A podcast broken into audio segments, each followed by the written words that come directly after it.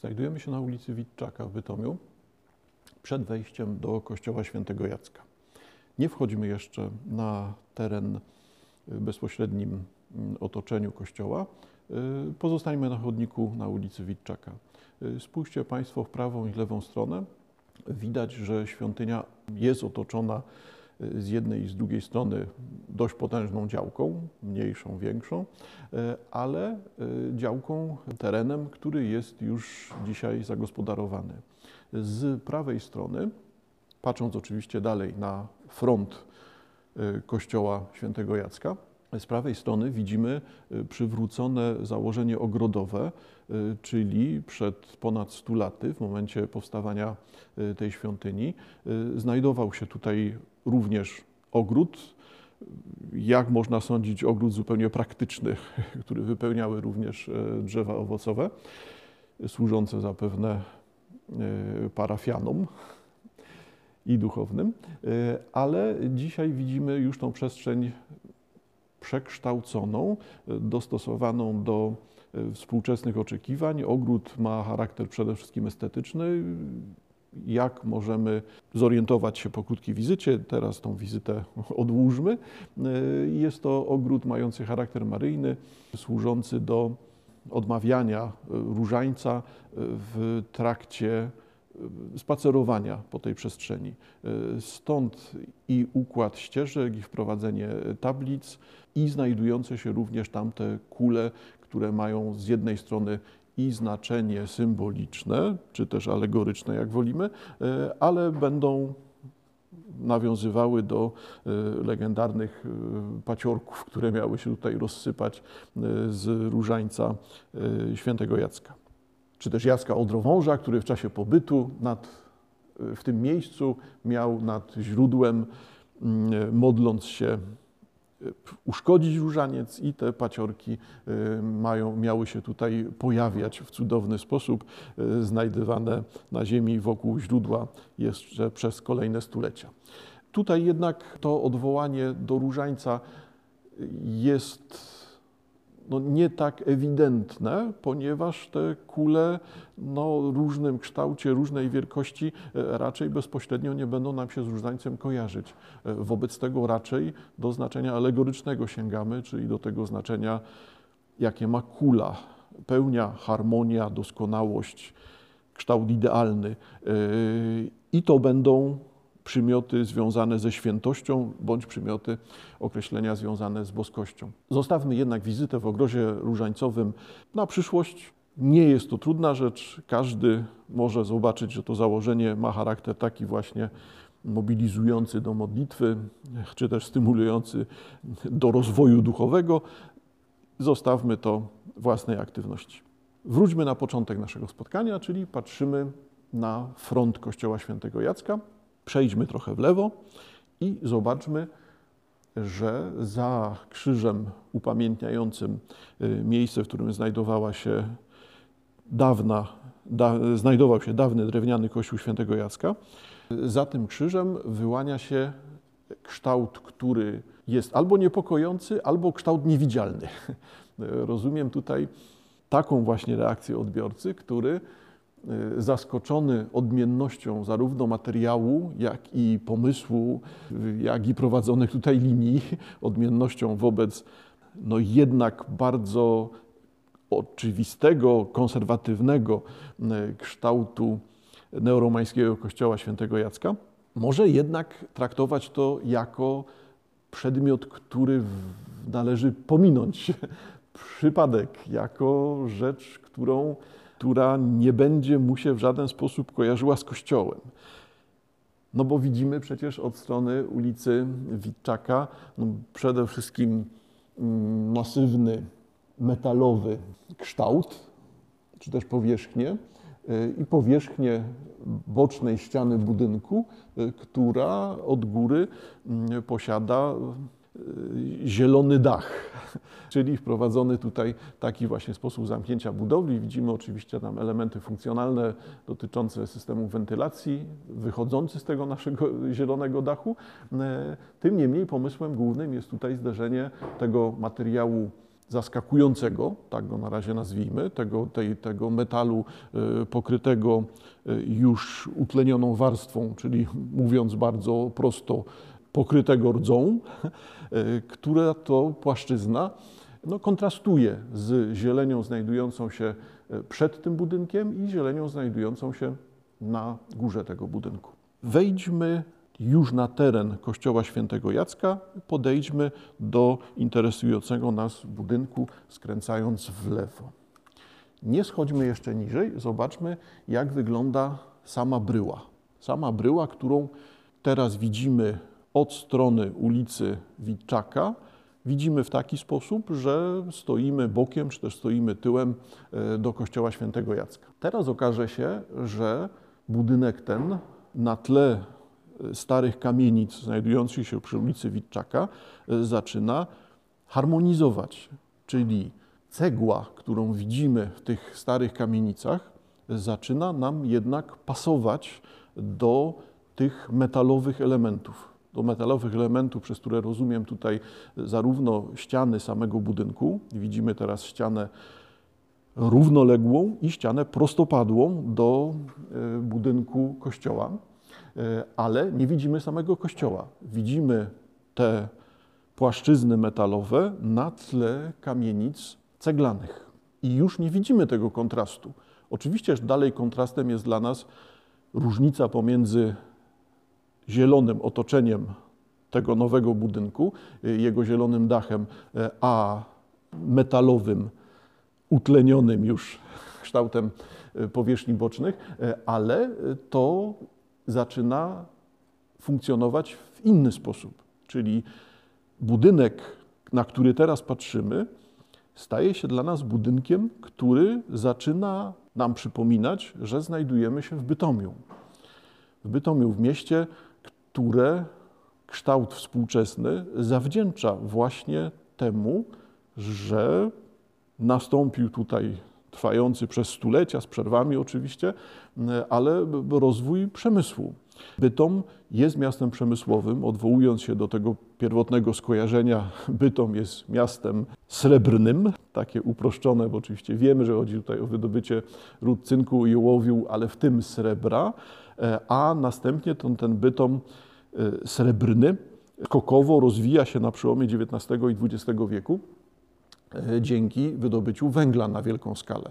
Czyli ten bytom srebra i węgla, bytom, który rozwija się za sprawą przemysłu, będziemy widzieli teraz w zderzeniu tych dwóch elementów. Spójrzmy jeszcze raz na konstrukcję tego nowego budynku. Popatrzmy na to jako na cechy Bytomia, ale będziemy widzieli również cechy Śląska. Czyli Śląsk rozumiany jest i na Śląsku, poza granicami Śląska, jako miasto przemysłowe. E, Śląsk e, odkrywany jest przez ludzi poprzez współcześnie związki z całą tą tradycją postindustrialną, czyli przemysł będzie pojawiał się na pierwszym planie. Jednak jeżeli ktoś mieszka na terenie Bytomia, Śląska czy tej części Polski, to widzi również, że to nie przemysł i ten metal, który widzimy tutaj, dominuje w tym otoczeniu, tylko Śląsk jednak jest przestrzenią zieloną. Tutaj mamy pełno lasów, pełno lasów, no cóż, Zapewne myślimy niekoniecznie o lasach naturalnych, tak? no to będą mm, przestrzenie zielone już tworzone przez samego człowieka, no ale e, te przestrzenie zielone no, wypełniają Śląsk. To nie jest tak, że Śląsk jest jedną wielką hutą i kopalnią działającą czy nie, już zostawmy, e, to nie ta przestrzeń wypełnia Śląsk, tylko Śląsk wypełnia zieleń. E, czym wobec tego jest, jeszcze raz spójrzmy na ten nowoczesny budynek, czym wobec tego jest ten, jest ten budynek? Jest pomysłem na to, jak pokazać te wartości Śląska i oczywiście Bytomia, które będą ważne dla współczesnego człowieka. Czyli z jednej strony mamy całe to zaplecze pozostałe po dynamicznym rozwoju przemysłu e, na tym terenie i stąd te metalowe ściany, na które patrzymy, stąd te patynowane metalowe ściany i stąd wprowadzona tutaj zieleń i w otoczeniu, i w formie tego zielonego dachu. Czy to nam wyczerpuje ten budynek? Dla mnie ciekawe jest to, że budynek którego architektem jest bardzo znany na świecie, bo to nie, nie da się powiedzieć na samym Śląsku czy w Polsce, e, na świecie znany architekt Przemo Łukasik. Przemo Łukasik podjął współpracę z ówczesnym proboszczem e, parafii świętego Jacka, e, księdzem Tadeuszem Paluchem. Podjął współpracę, która, jak można się domyślać, od początku nie była oczywista, ze względu na to, że jeżeli popatrzymy na te stare założenia, no ja rozumiem, że ponad stuletnie nie takie stare, no ale jak popatrzymy na te stare założenia architektoniczne tego, tej części Bytomia, no to jednak widzimy tutaj bardzo klasyczne rozwiązania. Proszę teraz odwrócić się od tego nowoczesnego budynku e, autorstwa Przemo Łukasika i spojrzeć na bryłę kościoła e, i na budynek plebanii. Widzimy, w jaki sposób budynek plebanii podejmuje, jeżeli chcemy, e, kopiuje, naśladuje, odbija te elementy architektoniczne, które widoczne są w bryle samego kościoła, czyli kościół neoromański, ale budynek plebanii też sięga do tych samych rozwiązań. Mówimy tutaj o tych trójkątnych e, zakończeniach ścian, Mówimy o kształcie dachu, e, no, sposobie prowadzenia okien e, tutaj czy kwadratowych, czy też zamkniętych półkolami, ale według podobnych zasad. Chociażby ten układ potrójnych okien, który widzimy na ścianie budynku nad wejściem tylnym do plebanii. Stąd, proszę Państwa, widać tutaj tradycję. I w takim bardzo tradycyjnym otoczeniu decyzja o tym, aby zaprosić do współpracy e, Przemo Łukasika, który nie myśli tradycyjnie, który nie, nie będzie kopiował tego samego rozwiązania, e, no była decyzją bardzo odważną. E, domyślam się, że e, spędzili tutaj obaj panowie, zarówno proboszcz, jak i architekt, długi czas na dyskusjach ustalających, co tutaj ma być. Efekt moim zdaniem jest bardzo dobry, chociaż rozumiem, że to sformułowanie właśnie, że ten efekt jest bardzo dobry, już jest sformułowaniem prowokującym, ze względu na to, że z moich spotkań czy z moich obserwacji zdań wygłaszanych przez Bytomia na temat tych konstrukcji, są to zwykle opinie negatywne. Opinie negatywne, które sprowadzają się do tego, że jest to jakaś zardzewiała ziemianka, albo że jest to kopiec ziemniaków. To wszystko e, pojawia się bardzo często w wypowiedzi Bytomian. Moje wypowiedzi natomiast będą ewidentnie w kontrze do tego typu sądów. To założenie bardzo cenię, i to założenie dla mnie jest bardzo ciekawą realizacją, banalnie brzmi oczywiście, architektury współczesnej, ale ciekawą ze względu nie na to, że pojawiają się tutaj te rozwiązania e, techniczne, które pozwalają na tworzenie zielonych dachów, e, czy też użycie materiału do wykończenia ścian budynku, tylko ze względu na to, że dla mnie ten nowy głos jest podjęciem rozmowy z starym głosem, czyli to, co jest powrotem do tradycji, do tradycji romańskiej w kościele świętego Jacka, przywołaniem, przetworzeniem tradycji romańskiej, tym przetworzeniem, które, jak już wiemy, bardzo często odwołuje się właśnie do tradycji ludowej, do podkreślania tej tradycji wiejskiej e, parafii świętego Jacka, no to teraz widzimy w przetworzeniu nowoczesnym. To przetworzenie nowoczesne nie polega tutaj na prostym kopiowaniu, zamienianiu, budowaniu z nowych materiałów czegoś, co jest, co mogłoby być jakimś lustrzanym e, odbiciem neoromańskości e, budynku kościoła. E, nie. Tutaj dialog ma charakter rozmowy i to rozmowy wielogłosowej. Co jest dla mnie ciekawe? Ciekawe jest właśnie to, w jaki sposób te dwa pomysły, dwie wypowiedzi, bo patrzymy na dzieła sztuki.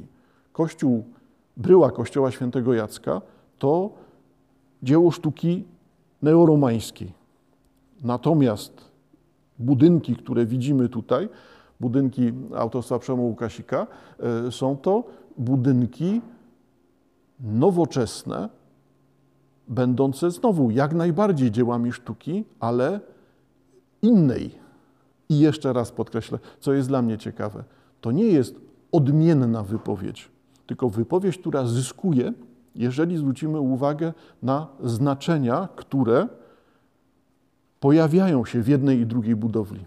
Jeżeli zrozumiemy jedną i drugą budowlę, jeżeli zobaczymy, na czym odmienność, na czym polega odmienność pomysłu architektonicznego nowoczesnego na tle konserwatywnego podejścia do kościoła świętego Jacka w tym założeniu no, z końcówki XIX wieku, założeniu architektonicznym neoromańskim.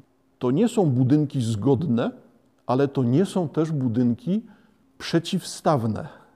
Mówiąc o wielogłosowości wcześniej, mam na myśli tutaj to, że te budynki w różny sposób, różnymi tonacjami opowiadają o tym samym.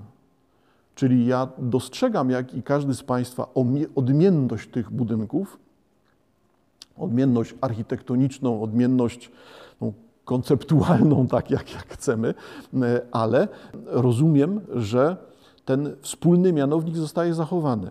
Czym byłby wspólny mianownik tych budowli?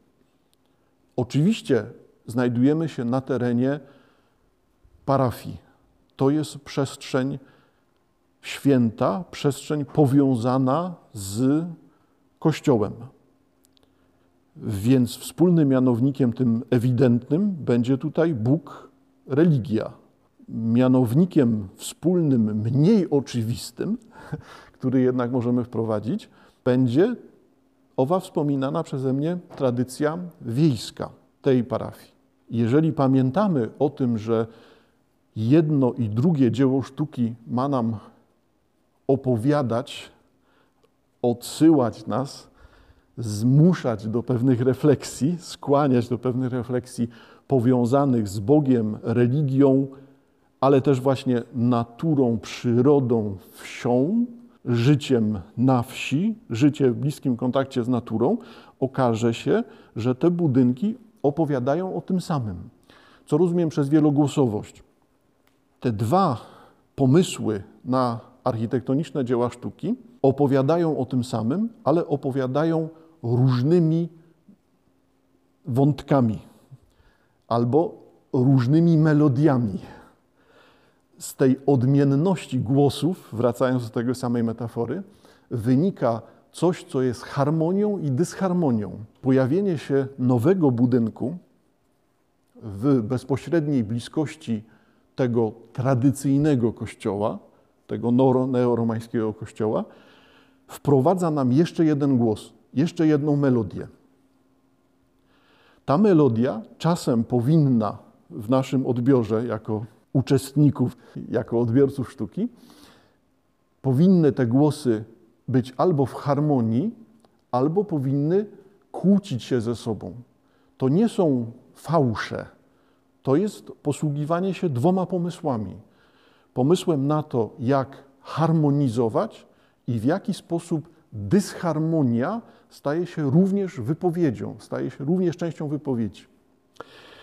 Zdaję sobie sprawę z tego, że tłumaczę rzecz trudną, bo, bo tłumaczę nowoczesność.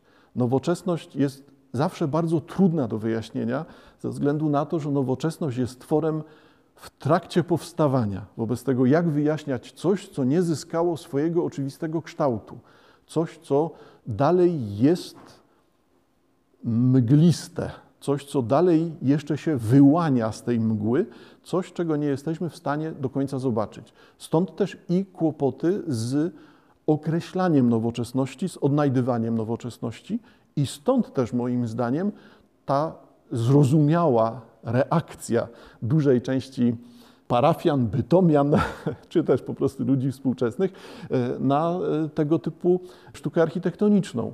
Czyli w najlepszym razie nie zauważyć, a w tych skrajnych przypadkach no, no właśnie zdystansować się do tego, odciąć, podkreślić Twoją reakcję, która pewnie się sprowadza do tego, o brzydkie to brzydkie. Tak, no, zbieram oczywiście te wszystkie różne sądy, których, które też e, mogłem usłyszeć przez ostatnie lata, które usłyszałem przez ostatnie lata. Stąd, proszę Państwa, wróćmy do naszych rozważań. Ta nowoczesność jest ciekawsza, gdy widzimy, że ona nie wisi w próżni. Nowoczesny budynek Przemo Łukasika jest tutaj w przestrzeni tradycyjnej, czyli ta tradycja średniowieczna, romańska, tutaj przeobrażona w neoromański kościół, jest niczym innym jak tym tysiącem e, lat istnienia. W tej przestrzeni pojawia się wypowiedź, która jest wypowiedzią nową. Z tej różnicy dat wynika dysharmonia. To powinno być zgrzytem. I to jest zgrzytem. I odbieramy to właśnie jako zgrzyt. Tylko dlaczego uważać, że to określenie zgrzyt, czy też dysharmonia, jest podkreśleniem błędów, czy podkreśleniem czegoś złego, tak najogólniej rzecz ujmując. To nie występuje tutaj. Harmoniczność w muzyce jest typowa dla no, wieków minionych.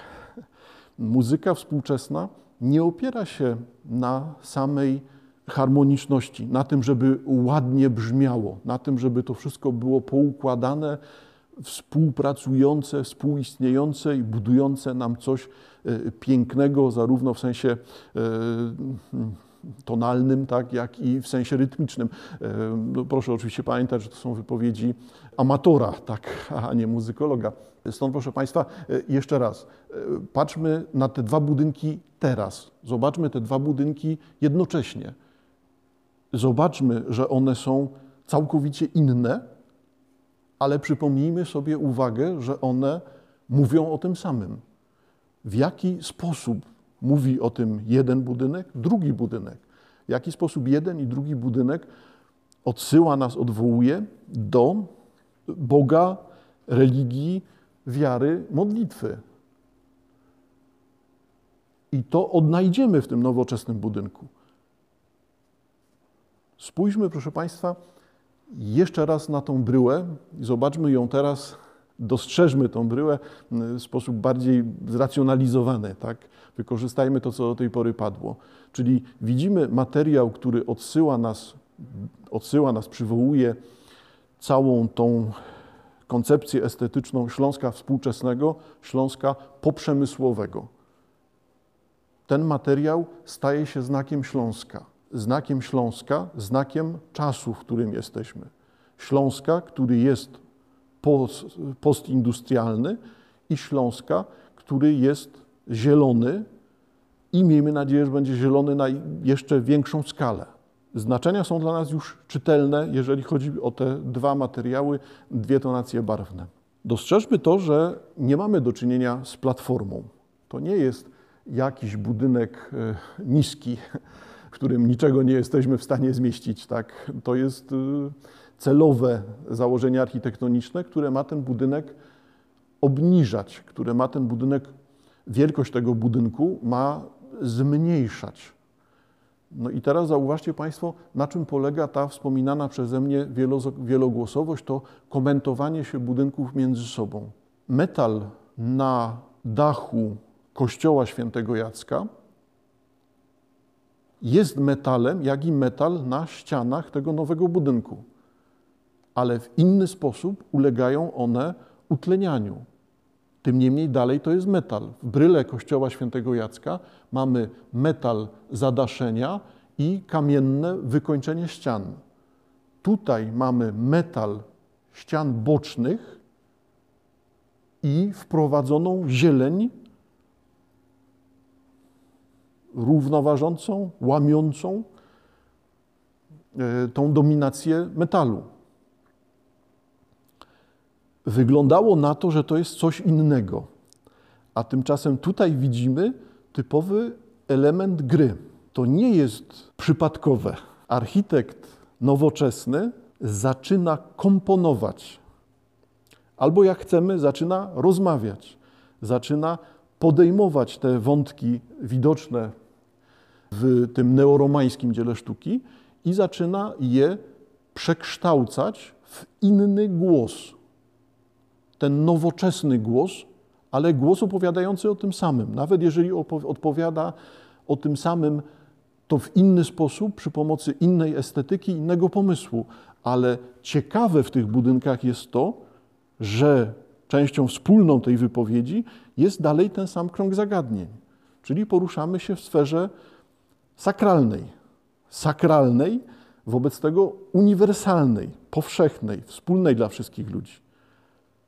Ale jednocześnie ta strefa sakralna jest przecież osadzona w konkretnym miejscu, czyli uniwersalność, powszechność sakrum, które tutaj widzimy w jednej i w drugiej budowli, zostaje skontrowana, zostaje zmieniana, uzupełniana poprzez wprowadzanie lokalnych rozwiązań.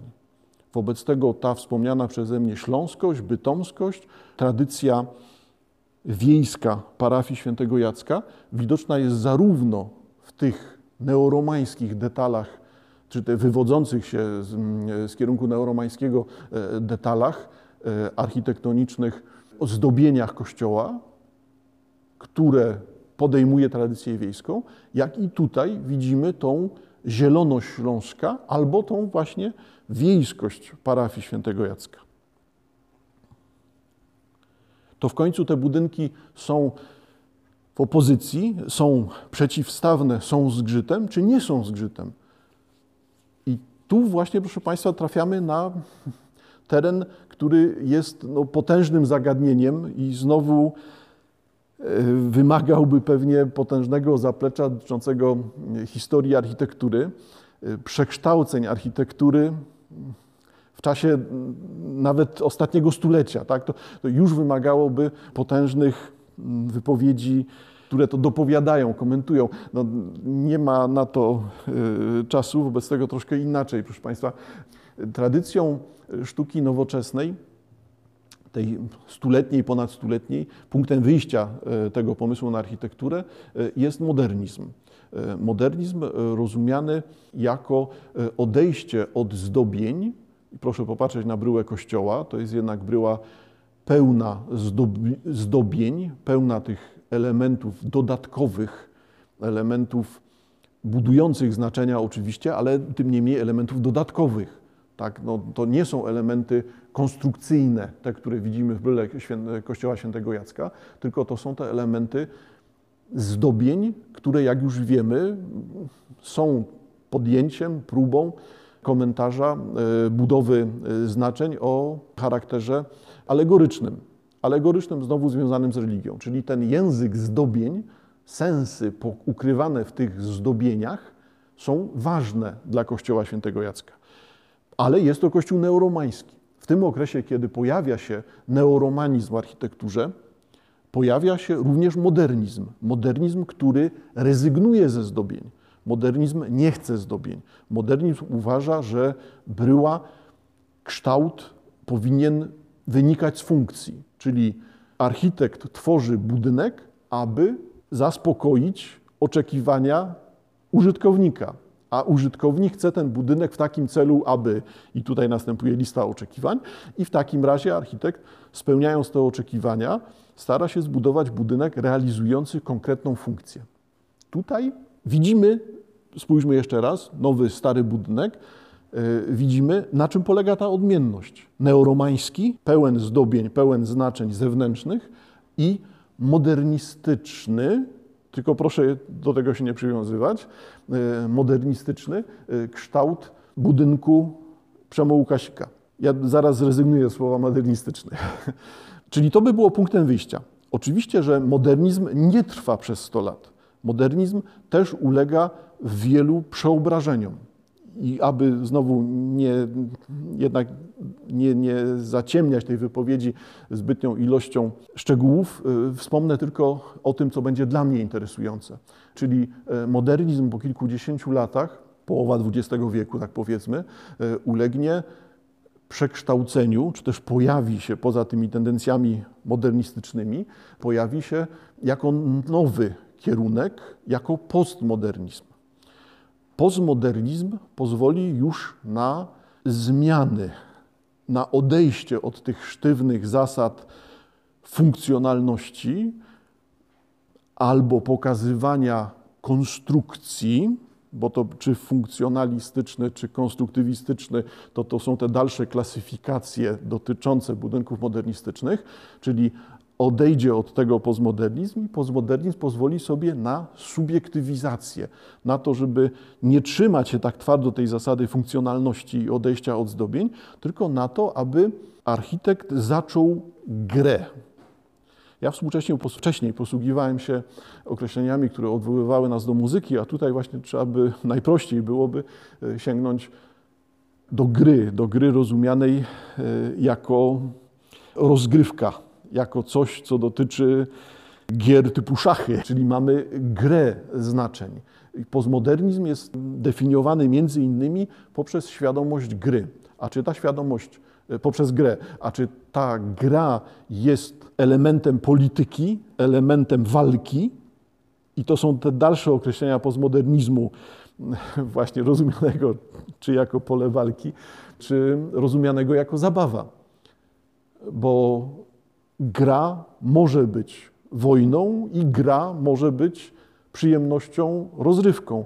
Wobec tego jeden i drugi pomysł na postmodernizm, rozumiany czy jako wojnę, czy jako grę, jako napięcie między życiem a śmiercią, śmiercią postmodernizm jako postmortem, jako coś, co jest już doświadczeniem świata po schyłku, po upadku, po, po, po zniszczeniu. Tak, bo to są znowu te bardzo rozbudowane definicje postmodernizmu. Nie należy się temu dziwić. Postmodernizm też zaczyna wyglądać na przeszłość. Już kilkadziesiąt lat minęło i ta kategoria postmodernizmu też zaczyna być już czymś, co zaczyna brzmieć bardziej historycznie niż współcześnie. No to w takim razie e, wskazałem na to, że budynek nowoczesny, budynek Przema Łukasika jest budynkiem modernistycznym, tak go nazwałem. Nazwałem go postmodernistycznym. Jeżeli chcemy jeszcze jedną rzecz sobie tutaj dorzucić, myślę, że warto, e, no to jednak sięgnijmy do takiego kierunku w architekturze, którym jest brutalizm. Brutalizm rozumiany jako eksponowanie materiału. I teraz, jeżeli popatrzymy na budynki nowoczesne w otoczeniu Kościoła Świętego Jacka, no to zobaczymy, że te budynki eksponują nam dwa materiały, już wspominane wcześniej. Materiały, jakim jest metal, jakim jest metal, który teraz już jest jednolitą płaszczyzną utlenioną, czyli tą właśnie płaszczyzną rdzy, i wprowadzony do tego materiał, jakim będzie zieleń w postaci czy dachu, czy postaci otoczenia. Brutalizm tutaj byłby takim pomysłem na architekturę, w której widzimy przede wszystkim materiał to się rzuca w oczy. W innych budynkach będziemy widzieli e, beton surowy, niepoddawany żadnej obróbce, wygładzeniu, żadnemu malowaniu czy, e, czy tym pomysłom służącym ukrywaniu tej struktury, faktury tego materiału. Wobec tego brutalizm eksponuje sam materiał. I to jest to, co uderzające jest w tych nowych kompozycjach, nowych pomysłów architektonicznych, to właśnie ta dominacja metalu. To, że odbiorca wykonuje krok wstecz albo odbiorca odwraca się od tego budynku. To jest już w tym momencie celem, bo przecież brutalizm nie polega na tym, żeby wywoływać wrażenia miłe, łatwe i przyjemne, tylko brutalizm w architekturze służy temu, żeby funkcjonować jako uderzenie, żeby był czymś, co jest mocne, wyraziste, brutalnie oddziałujące na odbiorcę. No i dlatego zrozumiałe jest dla mnie to, że współczesny odbiorca e, tych budynków e, no, będzie jednak uderzony zarówno materiałem, jak i nieprzewidywalnym kształtem, nieprzewidywalną formą.